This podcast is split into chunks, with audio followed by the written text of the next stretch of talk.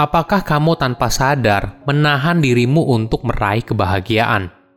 Halo semuanya, nama saya Michael. Selamat datang di channel saya, Sikutu Buku. Kali ini saya akan bahas buku Resisting Happiness karya Matthew Kelly. Sebelum kita mulai, buat kalian yang mau support channel ini agar terus berkarya, caranya gampang banget. Kalian cukup klik subscribe dan nyalakan loncengnya. Dukungan kalian membantu banget supaya kita bisa rutin posting dan bersama-sama belajar di channel ini. Buku ini membahas kenapa kita sering kali menolak untuk bahagia. Tanpa kita sadari, kita memilih untuk menyabotase diri kita sendiri, menunda pekerjaan, dan tidak berani mengejar mimpi yang kita inginkan. Apakah kamu bahagia? Ini mungkin pertanyaan yang salah. Banyak orang merasa cukup bahagia tapi di waktu yang sama, mereka juga merasa kalau mereka bisa lebih bahagia daripada sekarang. Matthew akan membahas pengalamannya sendiri mengenai alasan kenapa kita sering kali menyabotase kebahagiaan kita sendiri. Dia berpendapat kalau semua ini berhubungan dengan adanya penolakan kita untuk bahagia. Ini merupakan perasaan untuk tidak melakukan sesuatu yang sebenarnya kita tahu itu baik untuk kita. Namun di sisi lain, kita tidak berhenti melakukan sesuatu yang malah merugikan diri kita. Saya merangkumnya menjadi tiga hal penting dari buku ini. Pertama, apakah kita tidak ingin bahagia? Mungkin kamu merasa, kok bisa kita menolak untuk bahagia? Bukannya kita selalu ingin bahagia? Ada contoh sederhana dari penolakan yang dimaksud oleh Matthew. Apakah kamu pernah mematikan alarm di pagi hari, mengubahnya ke mode snooze, dan tidur lagi? Ini adalah contoh sederhana bagaimana sebuah penolakan bekerja dan kita kalah di waktu pertama di pagi hari. Lebih jauh lagi, penolakan merupakan perasaan yang membuat kamu menolak untuk mengerjakan hal yang seharusnya kamu kerjakan. Apalagi dalam sebuah proyek jangka panjang, penolakan ini merupakan masalah utama. Sebagai contoh, sebagai seorang penulis, Matthew sering kali diminta pendapatnya tentang bagaimana bisa menerbitkan sebuah buku. Tetapi, mayoritas orang yang bertanya kepada dia soal hal tersebut belum menyelesaikan penulisan bukunya. Matthew lalu meminta mereka untuk berbicara lagi dengannya ketika mereka sudah selesai menulis buku mereka sendiri. Namun, 95% orang yang bertanya tidak kembali lagi ke dia.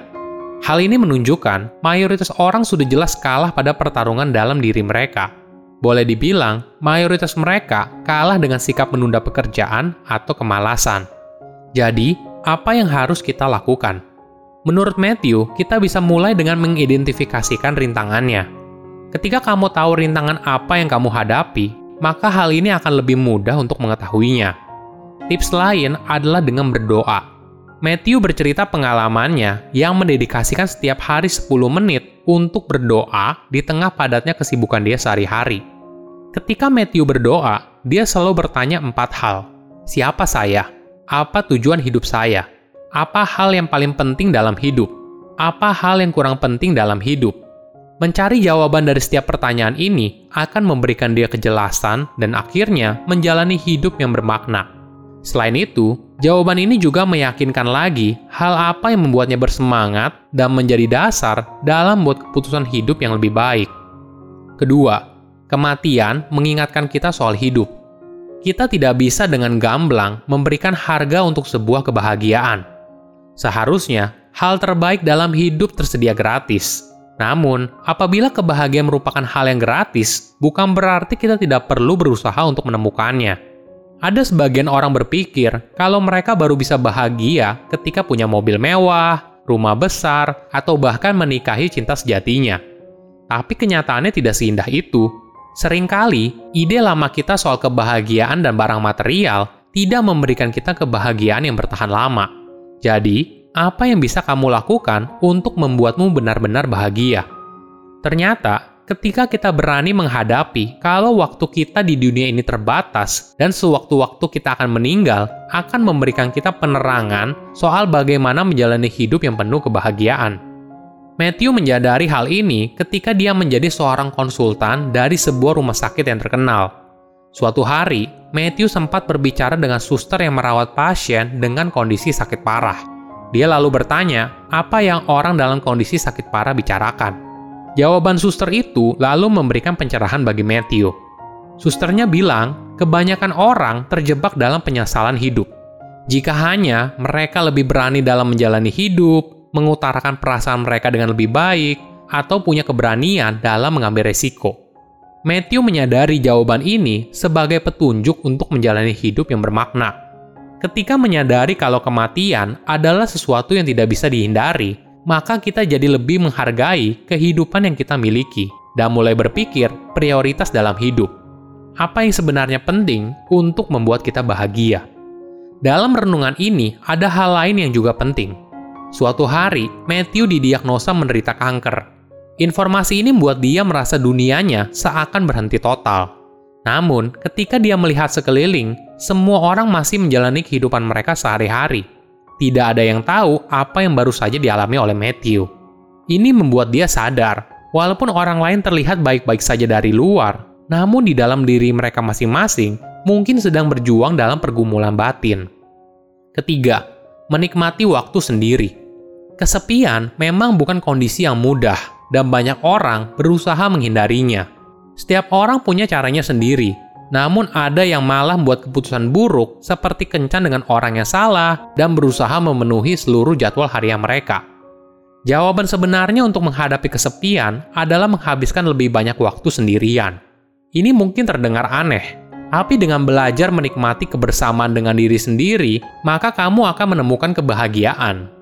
Misalnya begini, kamu saat ini dalam kondisi single dan mencari pasangan yang serius. Ketika ada calon pasangan yang berusaha mengajakmu kencan, tapi kamu tidak yakin, kemungkinan kamu dengan sopan akan menolaknya. Beda cerita ketika kamu dalam kondisi single dan tidak terlalu serius mencari pasangan untuk segera menikah. Mungkin saja kamu bersedia kencan dan mencoba dulu, walaupun awalnya kamu tidak yakin. Di contoh ini, usia seseorang boleh dibilang juga ikut berpengaruh pada kemampuan seseorang untuk menghargai kesendirian. Mungkin dulu kamu baru merasa bahagia ketika jalan-jalan keluar seharian, tapi seiring bertambahnya usia, mungkin kamu malah tidak ingin keluar dan hanya ingin menikmati waktu sendirian di rumah. Ini mungkin adalah waktu berkualitasmu. Selain itu, kesendirian akan membantu kamu untuk mengenal diri dengan lebih baik. Ini tidak bisa kamu pelajari dari siapa pun, hanya kamu yang bisa mempelajarinya. Dampaknya, hal ini juga akan bantu kamu ketika berhubungan dengan orang lain. Saat kamu sudah bahagia sendirian, maka kamu baru bisa meningkatkan kemampuanmu untuk menjadi pendengar yang lebih baik bagi orang lain. Tapi, bagaimana caranya seorang bisa mencapai hal ini? Matthew membagikan lima teknik kunci untuk meningkatkan keterampilan mendengarkan secara mendalam. Pertama, lakukan kontak mata. Tatap mata orang yang kamu ajak bicara dan tersenyum. Hal ini akan menunjukkan kepada mereka bahwa kamu tertarik dengan apa yang mereka katakan. Kedua adalah bahasa tubuh. Jika kamu memperhatikan, cara orang memposisikan tubuh menunjukkan banyak hal tentang perasaan mereka saat berinteraksi dalam sebuah percakapan. Misalnya, jika kamu menyilangkan tangan, kamu secara tidak langsung akan menunjukkan kurangnya minat pada orang lain. Ketiga, hindari mengganggu orang lain. Tidak ada yang suka dipotong saat berbicara. Melakukan hal ini akan memberikan kesan kalau apa yang kamu katakan lebih penting daripada apa yang mereka katakan. Meskipun kamu tidak setuju, lebih baik menunggu giliran sebelum menyuarakan pendapat. Keempat, hadir sepenuhnya pada saat percakapan orang yang kamu ajak bicara pasti akan menyadarinya jika kamu tidak sepenuhnya hadir. Jadi, jauhkan ponsel dan fokuslah pada percakapan. Kelima, ajukan pertanyaan. Ini adalah cara yang bagus untuk menunjukkan kalau kamu peduli dengan apa yang mereka katakan. Bersikap baiklah kepada semua orang, karena kamu tidak akan tahu orang yang kamu temui sedang menjalani rintangan hidup yang berat. Silahkan komen di kolom komentar pelajaran apa yang kalian dapat ketika baca buku ini. Selain itu, komen juga mau buku apa lagi yang saya review di video berikutnya. Saya undur diri, jangan lupa subscribe channel YouTube Sikutu Buku. Bye bye.